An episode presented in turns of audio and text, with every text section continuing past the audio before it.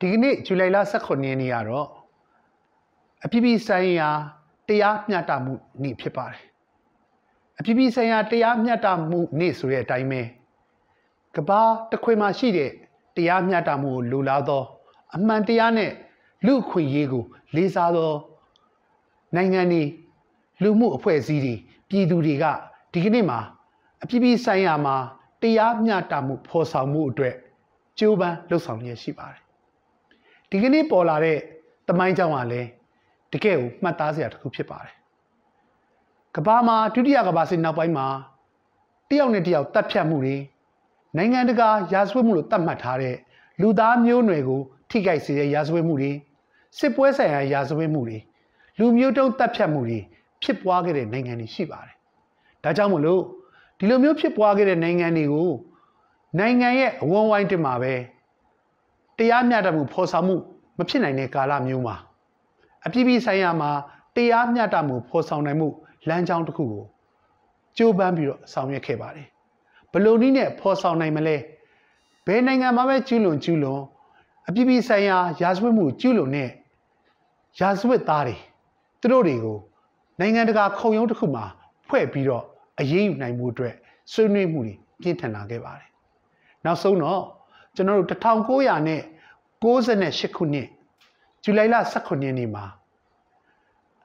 ကျူးလွန်တဲ့ရာဇဝတ်မှုတွေကိုအပြည်ပြည်ဆိုင်ရာတရားရုံးမှာဆွဲဆိုနိုင်မှုအတွက်ပြဋ္ဌာန်းခဲ့တဲ့ယောမဥပဒေတာကိုအတည်ပြုနိုင်ခဲ့ပါတယ်လူမျိုးတုံးတပ်ဖြတ်မှု genocide စစ်ပွဲဆိုင်ရာရာဇဝတ်မှု war crime ပြီးလို့ရှိရင်ကျွန်တော်တို့လူသားမျိုးနွယ်ကိုကျူးလွန်တဲ့ရာဇဝတ်မှု crime against humanity စတဲ့အပြည်ပြည်ဆိုင်ရာရာဇဝတ်မှုတွေကျူးလွန်တဲ့ ရာဇဝတ်သားတွေကိုနိုင်ငံတကာခုံရုံးဖွင့်ပြီးတော့အရေးယူနိုင်မှုအတွက်ရေးဆွဲခဲ့တဲ့စာချုပ်ဖြစ်ပါတယ်။နိုင်ငံတကာခုံရုံးဖွဲ့ဖို့အတွက် International Criminal Court ICC လို့ခေါ်တဲ့တရားရုံးကိုလည်းဒီစာချုပ်အရဖွဲ့စည်းနိုင်ခဲ့တယ်။အရေးယူမှုလည်းလွတ်ဆောင်နိုင်ခဲ့ပါတယ်။ဒါကြောင့်မလို့ဒီနေ့ကတော့ကိုယ့်ရဲ့နယ်နိမိတ်အတွင်းမှာပြည်သူတွေကိုလူခွင့်ရေးချုပ်ဖောက်မှုတွေကို ဒီလိုမျိုးနိုင်ငံတကာရာဇဝတ်မှုတွေကိုကျူးလွန်တဲ့သူတွေအပြစ်ကကင်းလွတ်တာတွေမရှိဖို့အတွက်နိုင်ငံတကာခုံရုံးတွေမှာအရေးယူနိုင်မှုအတွက်ပေါ်ပေါက်ခဲ့တဲ့တရားမျှတမှုလမ်းကြောင်းဖြစ်ပါတယ်။ဒါကြောင့်မလို့ဒီနေ့ကကျွန်တော်တို့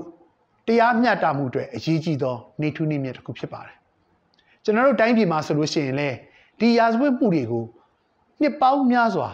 ကျူးလွန်နေတဲ့အကြမ်းဖက်စစ်ကောင်စီကိုနိုင်ငံတကာခုံရုံးတွေတင်နိုင်ပြီးတော့အရေးယူနိုင်မှုအတွက်ကြိုးပမ်းမှုတွေရှိခဲ့ပါတယ်။ ဒါကြောင့်မလို့ပြီးခဲ့တဲ့ကျွန်တော်ဩဂတ်စ်လ20ရက်နေ့မှာ NUG အစိုးရက ICC မှာရှိတဲ့တရားသူကြီးတွေကို2002ခုနှစ်တည်းကနေစတင်ပြီးတော့စစ်ကောင်စီဘက်ကကျူးလွန်ခဲ့တဲ့စစ်တပ်ကကျူးလွန်ခဲ့တဲ့ရာဇဝတ်မှုတွေပတ်သက်ပြီးတော့လာရောက်စုံစမ်းမှုရဲ့ထိရောက်သောအရေးယူမှုတွေလှုပ်ဆောင်မှုအတွက်အာတိတရှိတဲ့အကြောင်းသူတို့ရဲ့လုတ်ပိုင်ခွင့်စနစ်မြေဆောင်သုံးမှုသုံးပြီးတော့ကြေညာချက် declaration ထုတ်ပြန်ခဲ့ပါတယ် ဒါကတော့ဘာအောင်ညွှန်ဆိုလဲဆိုလို့ရှိရင် NUG အစိုးရကတရားမျှတမှုနဲ့ဖော်ဆောင်မယ်နိုင်ငံတကာခုံရုံးတွေကတဆင့်အပြစ်ပေးရေးယူလိုက်တဲ့စစ်ရာဇဝတ်ကောင်တွေစစ်ကောင်းဆောင်တွေကိုအရေးယူဖို့အတွက်တန်တိတ်တံပြုတာဖြစ်ပါတယ်ဒါပေမဲ့ကျွန်တော်တိုင်းပြည်မှာအခုချိန်ထိဆက်လက်ပြီးတော့ရာဇဝတ်မှုတွေကျူးလွန်တာရှိသလိုနိုင်ငံတကာတရားရုံးတွေနိုင်ငံတကာခုံရုံးတွေတင်နိုင်မှုအတွက်ကြိုးပမ်းမှုကမပြီးဆုံးသေးပါဘူးဒါပေမဲ့အမှန်တရားကိုလိုအပ်တဲ့လိုလားတဲ့ပြည်သူတွေရဲ့ အမှန်တရားအတွက်တရားမျှတမှုဖော်ဆောင်ခြင်းနဲ့တာဝန်ရှိတဲ့အစိုးရနဲ့เนาะနိုင်ငံရေးတာဝန်ရှိသူတွေအားလုံးပူးပေါင်းပြီးတော့တစ်ချိန်ချိန်မှာဒီရာဇဝတ်မှုတွေကျူးလွန်တဲ့သူတွေကိုတရားဥပဒေအရအရေးယူနိုင်ဖို့မတရားရာဇဝတ်မှုတွေကျူးလွန်ခံရတဲ့ပြည်သူတွေအတွက်အမှန်တရားကိုပေါ်ဆောင်နိုင်ဖို့အတွက်ဆက်လက်လှုပ်ဆောင်သွားမယ့်အကြောင်းကတိပေးရင်းနဲ့ International Day of Justice အပြည်ပြည်ဆိုင်ရာတရားမျှတမှုနေ့ကို ကြိုဆိုအပ်ပါတယ်တရားမျှတမှုဖော်ဆောင်မှုအတွက်ဝိုင်းဝန်းပါဝင်ကြပါလို့လဲတိုက်တွန်းနှိုးဆော်အပ်ပါတယ်ခင်ဗျာကျေးဇူးတင်ပါတယ်